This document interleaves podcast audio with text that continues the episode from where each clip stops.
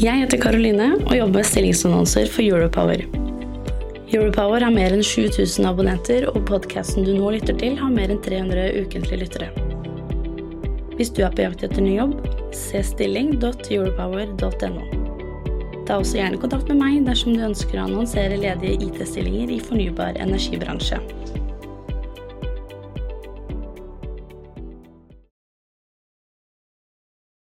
Og hvis vi da må bygge ut mye nytt nett, så eh, vil kostnadene påvirke nettleien.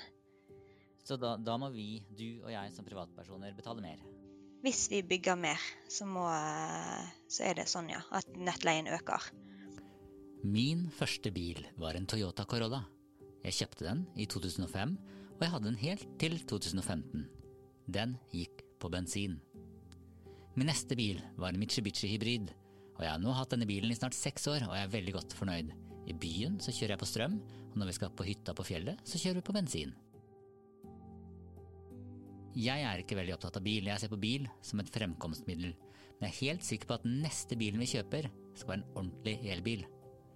Det virker helt feil å kjøpe en bil som går på fossilt drivstoff.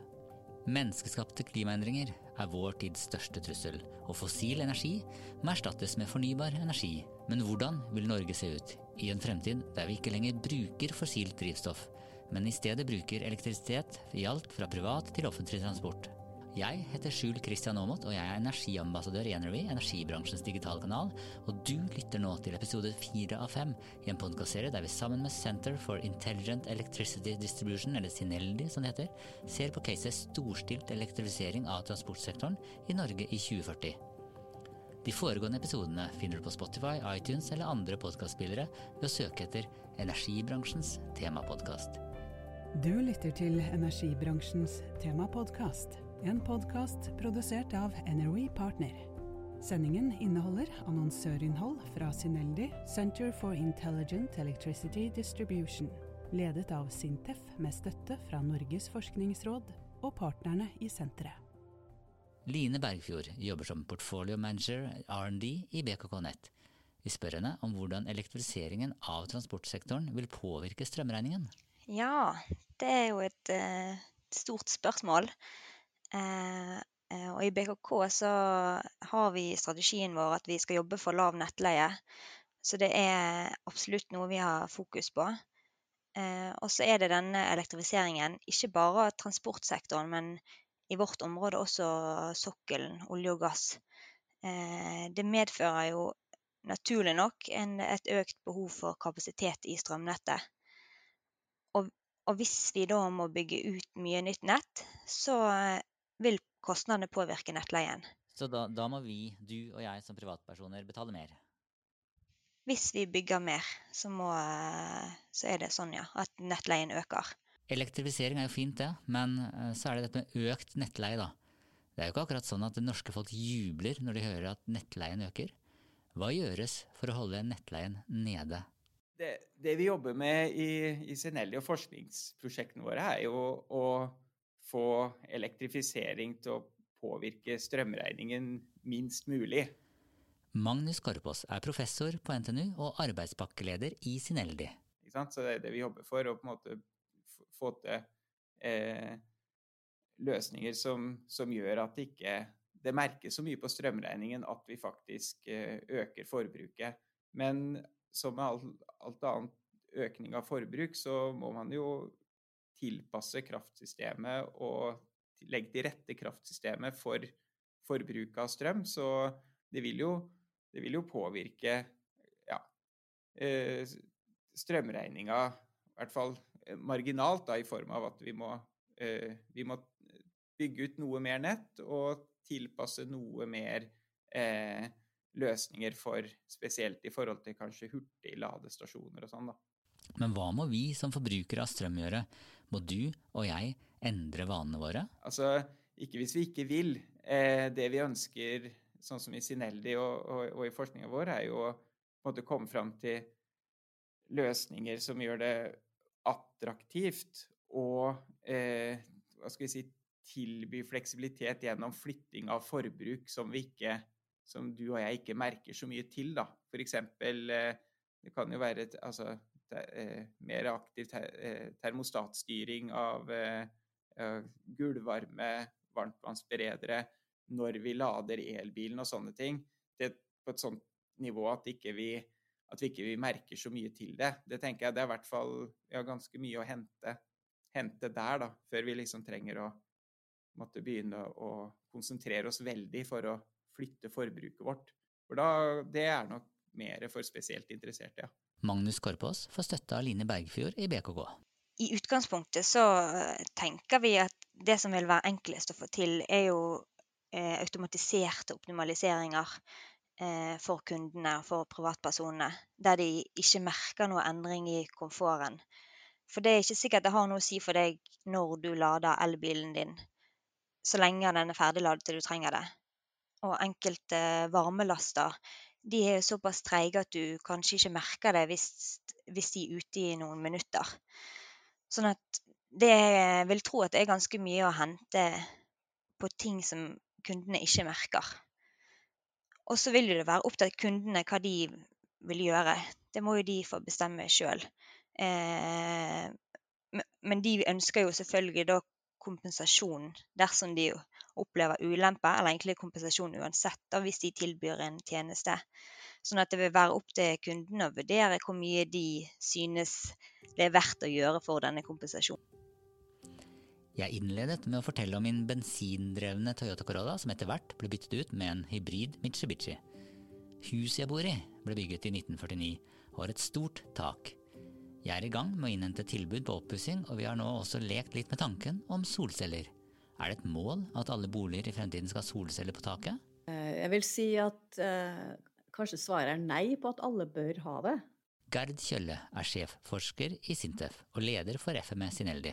De prognosene på det som har sett fra NVE, så er det ikke veldig mye som trengs. Så det betyr ikke at alle må ha solceller på taket. Men noen eh, bør ha det. Og, og da kan man også se for seg at ja vel, en gang i framtida så er det en måte å, å håndtere også eh, forsyningssikkerheten på, hvis man kan få eh, det håndtert eh, sånn lokalt i samspill med batterier og sånt, at man kan få være selvforsynt i en situasjon at man mister strømforsyning fra hovednettet, f.eks. Gerd Kjølle trekker frem forsyningssikkerheten.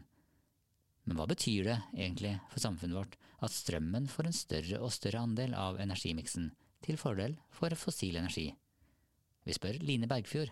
Nei, Generelt sett så er jo forsyningssikkerheten veldig god i Norge.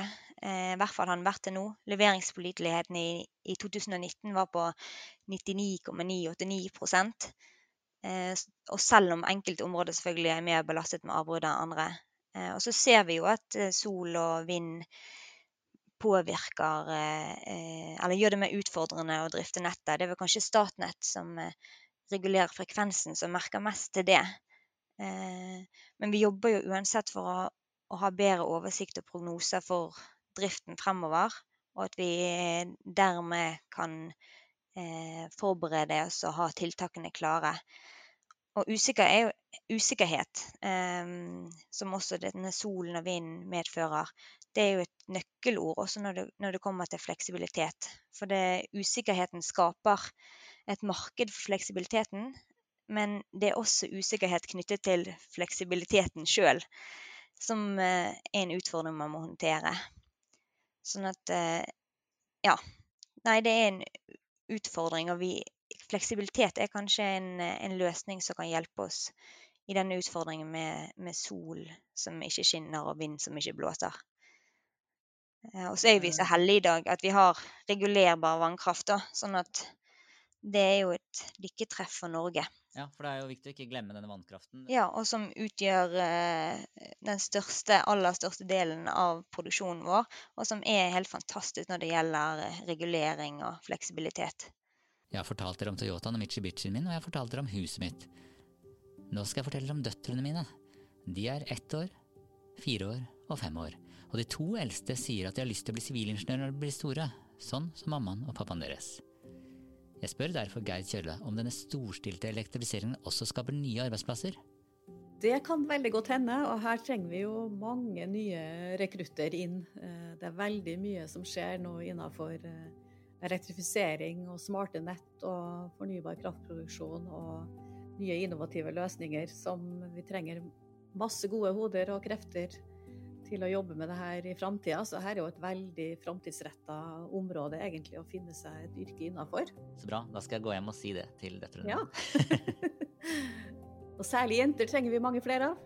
Avslutningsvis så ber jeg Gerd Kjølle om å minne oss på hvorfor det er så viktig med en storstilt elektrifisering av transportsektoren. Ja, Det betyr at vi får eh, reduserte klimautslipp.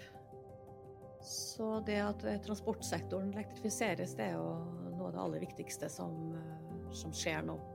Jeg heter Skjult Kristian Aamodt, og jeg er energiambassadør i Energy, energibransjens digitale kanal.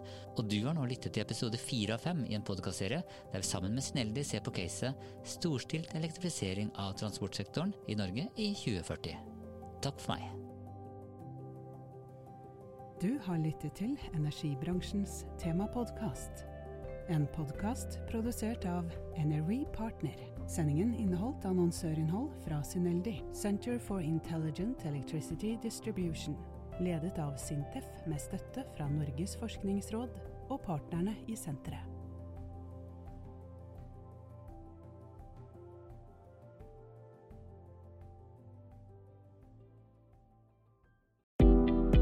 Jeg heter Karoline og jobber med stillingsannonser for Europower. Europower har mer enn 7000 abonnenter, og podkasten du nå lytter til, har mer enn 300 ukentlige lyttere. Hvis du er på jakt etter ny jobb, se stilling.europower.no. Ta også gjerne kontakt med meg dersom du ønsker å annonsere ledige IT-stillinger i fornybar energibransje.